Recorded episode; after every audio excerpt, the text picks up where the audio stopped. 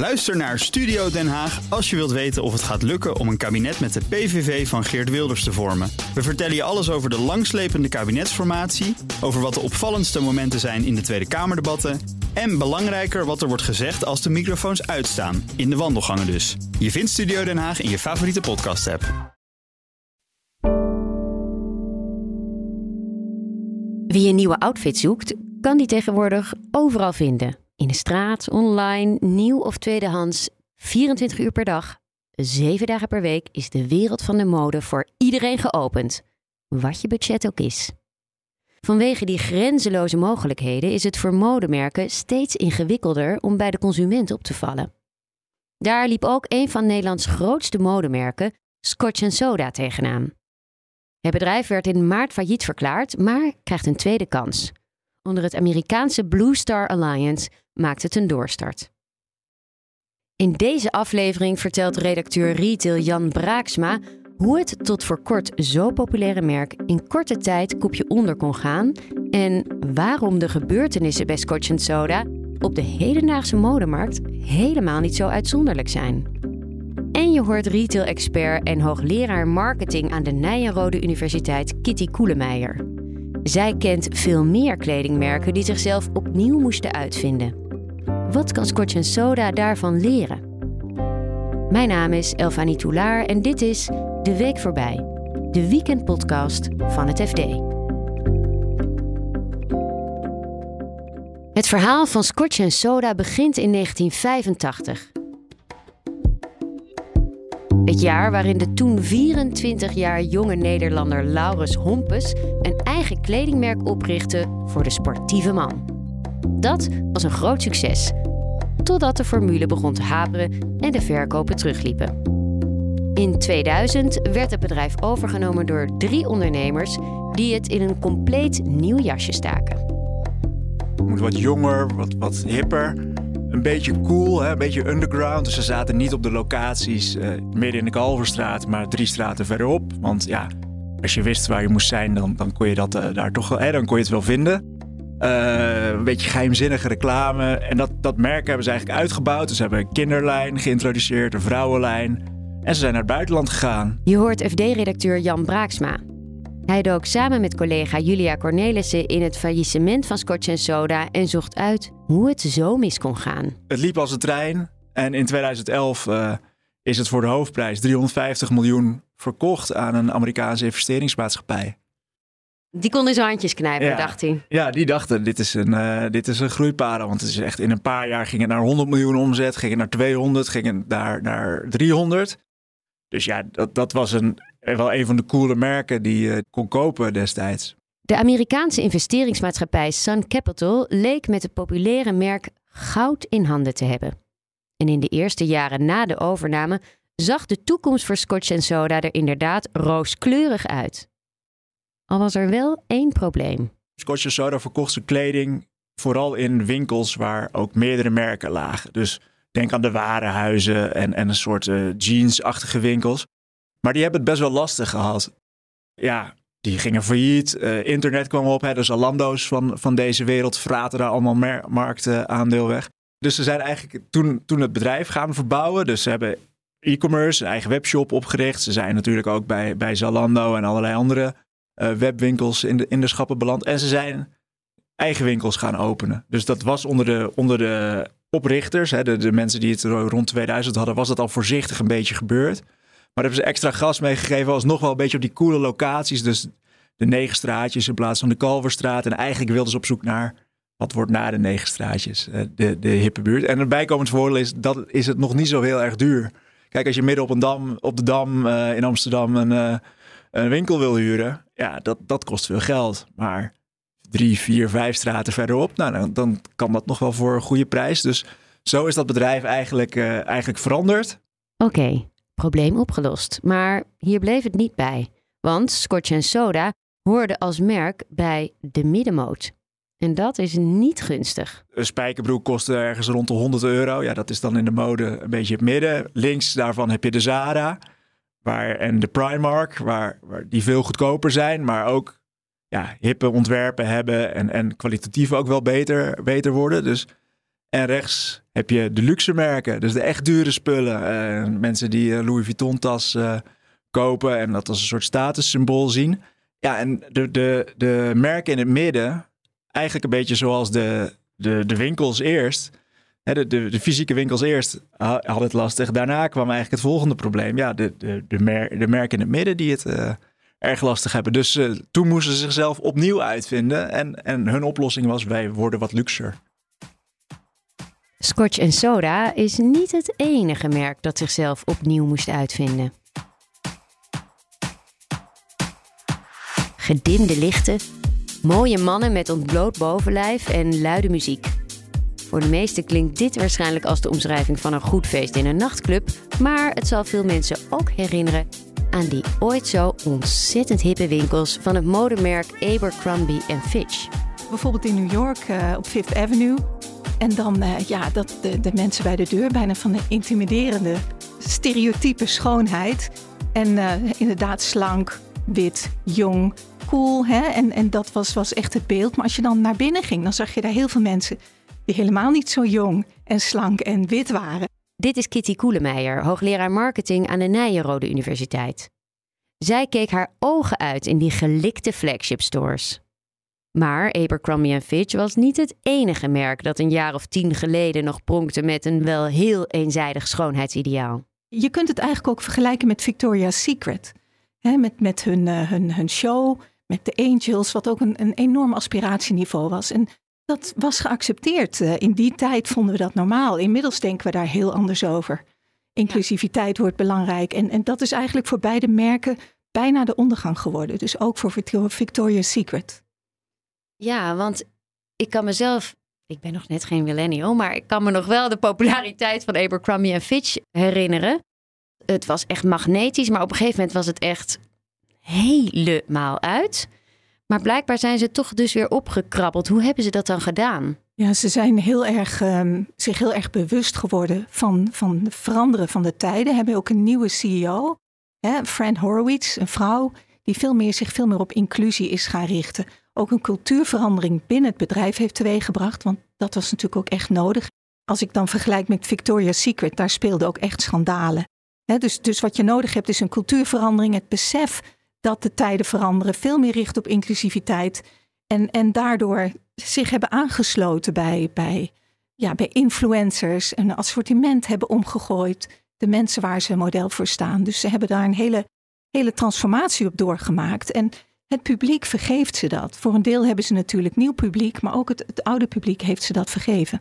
En ze zijn nog best groot. Hè? Ze hebben ook iets van, van 3,5 miljard eh, euro omzet. En die omzet die, die, die groeit niet heel hard, maar die groeit wel door. Ik vind dat wel knap inderdaad, want het imago was dus totaal afgebrokkeld. Maar hoe zorg je er dan voor dat dat...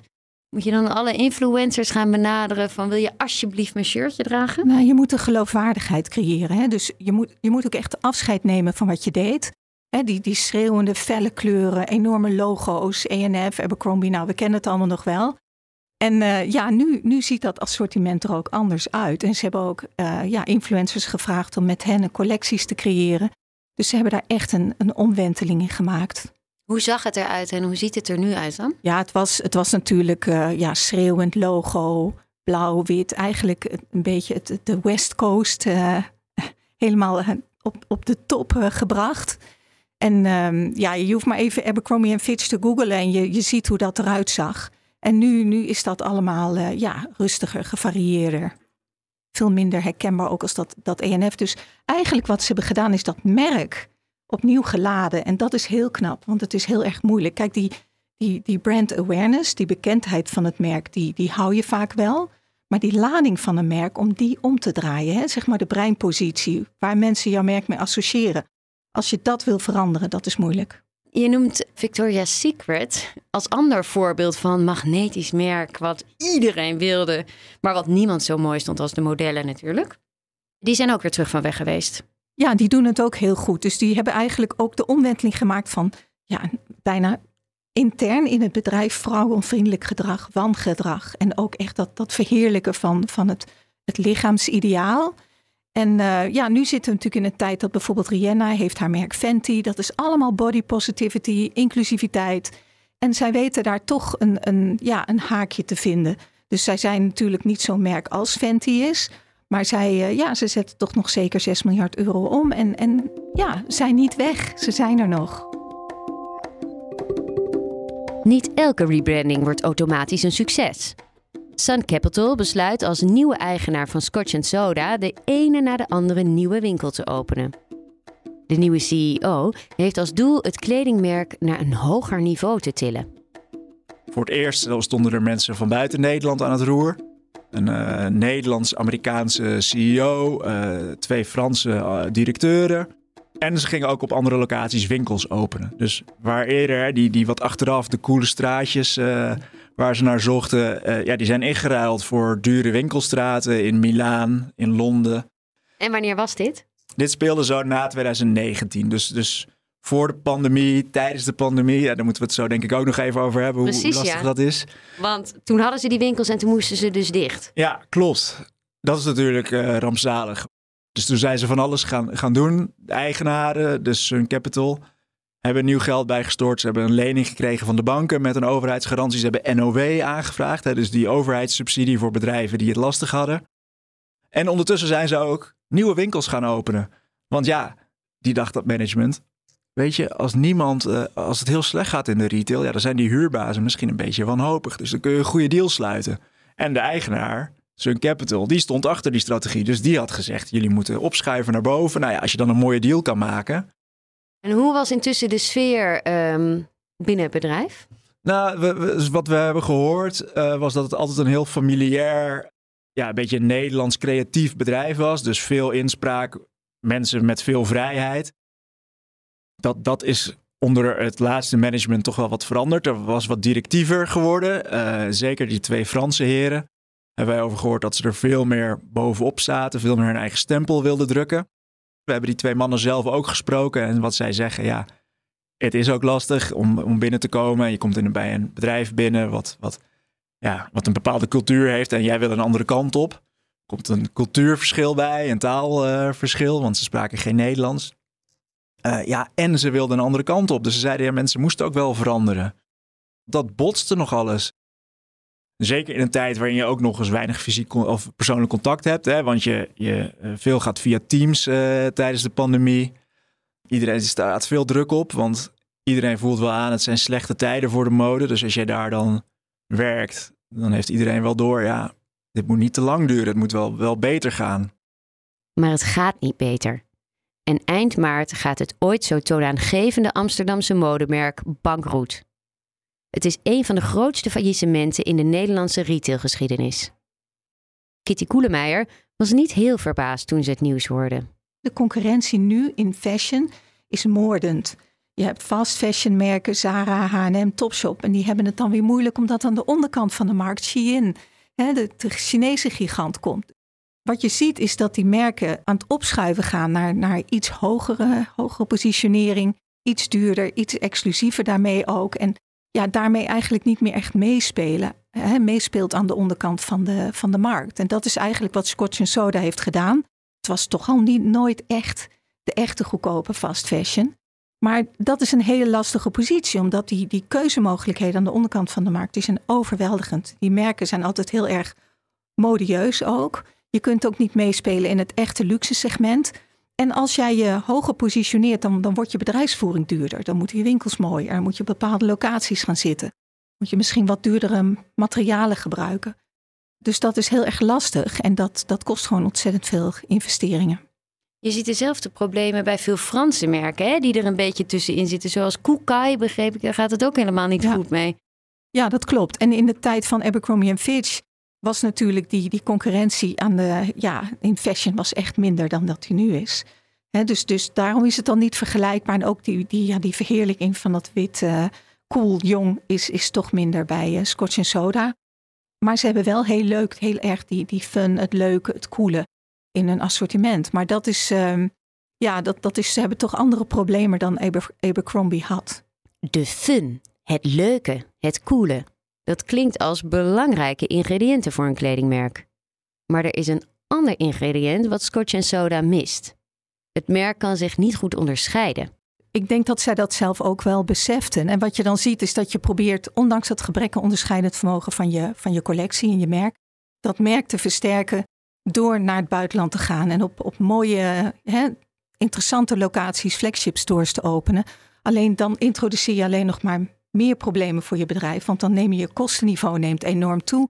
Je moet in verschillende landen ook iets van een, een organisatie optuigen, al, al gaat het maar om, om uh, ja, de mensen die voor je werken, allerlei wettelijke regelingen die je hebt. En je ziet dat dat dan uh, ja, dat dat gewoon heel veel geld kost. En Marks Spencers, ja. die, die zijn daar ook bijna aan onderdoor gaan. Dan hadden die natuurlijk ook een collectie van niks. Was zeker niet onderscheidend als het om mode gaat. En je kunt ze ook niet echt vergelijken qua collectie. Maar die hebben daar heel veel problemen mee gehad. Ja, terwijl ik het wel een logische gedachte vind. Want ja. je denkt, als ik maar meer plaats en ja. mooie winkels heb... kan ik gewoon meer van ja. die broeken en jassen verkopen. Maar dan moet je eigenlijk die winkels zien als een investering in je merk. En dan duurt het even voor ze winstgevend worden, als ze dat al worden. En dat, dat kost gewoon heel veel geld. En je ziet ook dat HEMA dat geprobeerd heeft. Hè? Van, het, van de winkel een merk te maken, op de platforms te gaan verkopen. Maar dat is een zaak van de lange adem en het kost heel veel geld.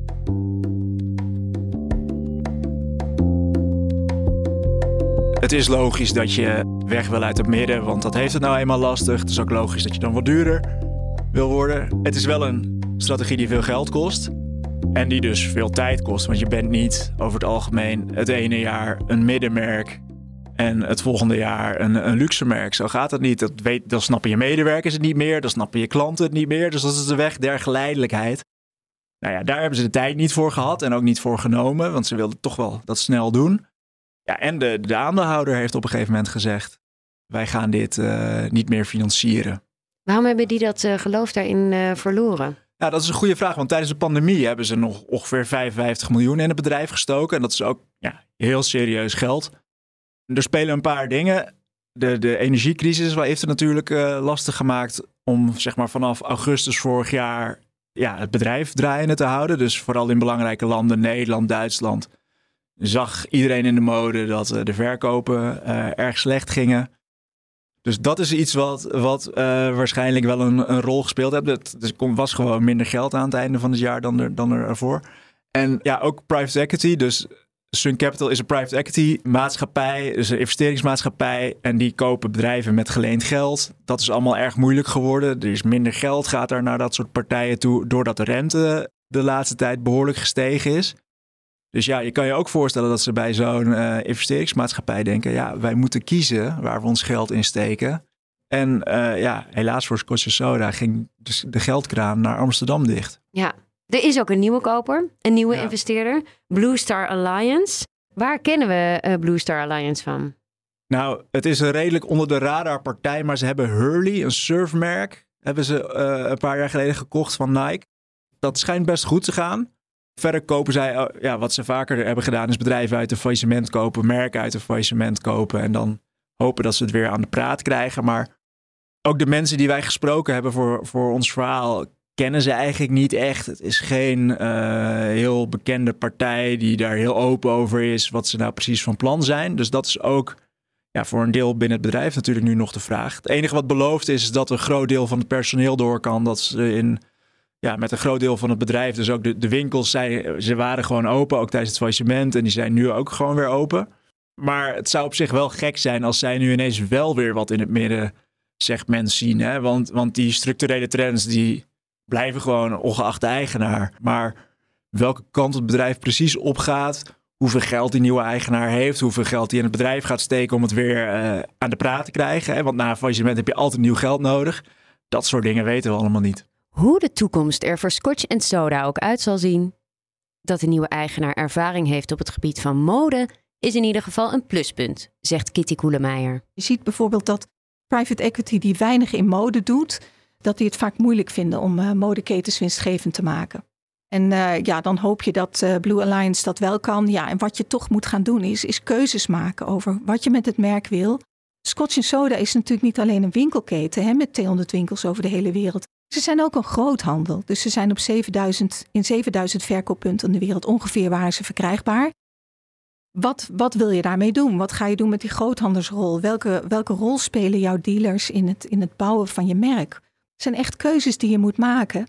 is het ook belangrijk om keuze te maken in het soort kleding dat je maakt. Dat je bijvoorbeeld zegt, nou dat Hurley is dan bijvoorbeeld een, een, een surfmerk.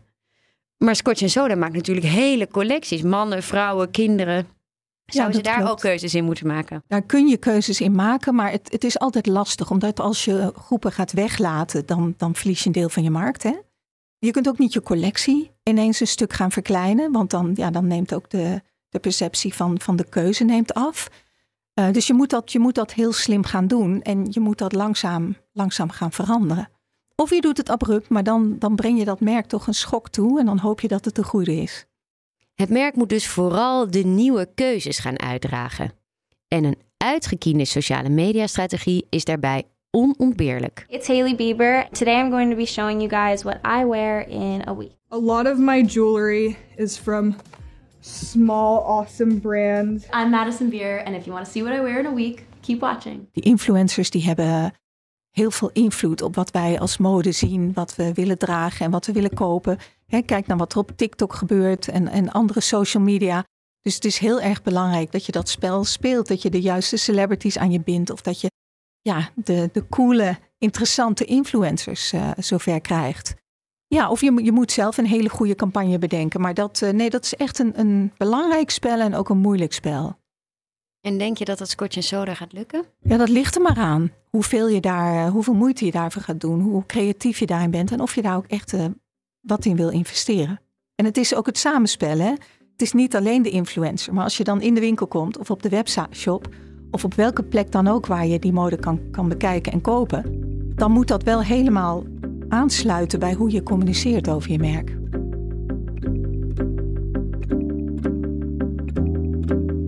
Dit was hem voor deze week. Dankjewel voor het luisteren. Natuurlijk vind je in onze app al het laatste nieuws over Scotch Soda en de retailbranche. Ik ben te vinden op Twitter, Elfanie. En je kunt ook altijd mailen naar podcast.fd.nl. Redactie en montage van deze podcast was in handen van Lisa van der Velde en Anna de Haas. De muziek komt van Visionair Ordinaire. Een heel fijn weekend en graag tot volgende week. BNR ben je altijd als eerste op de hoogte van het laatste nieuws. Luister dagelijks live via internet. Bas van Werven. En heel langzaam komt de zon op rond dit tijdstip. Je krijgt inzicht in de dag die komt op BNR, het Binnenhof in Nederland en de rest van de wereld. De Ochtendspits. Voor de beste start van je werkdag. Blijf scherp en mis niets.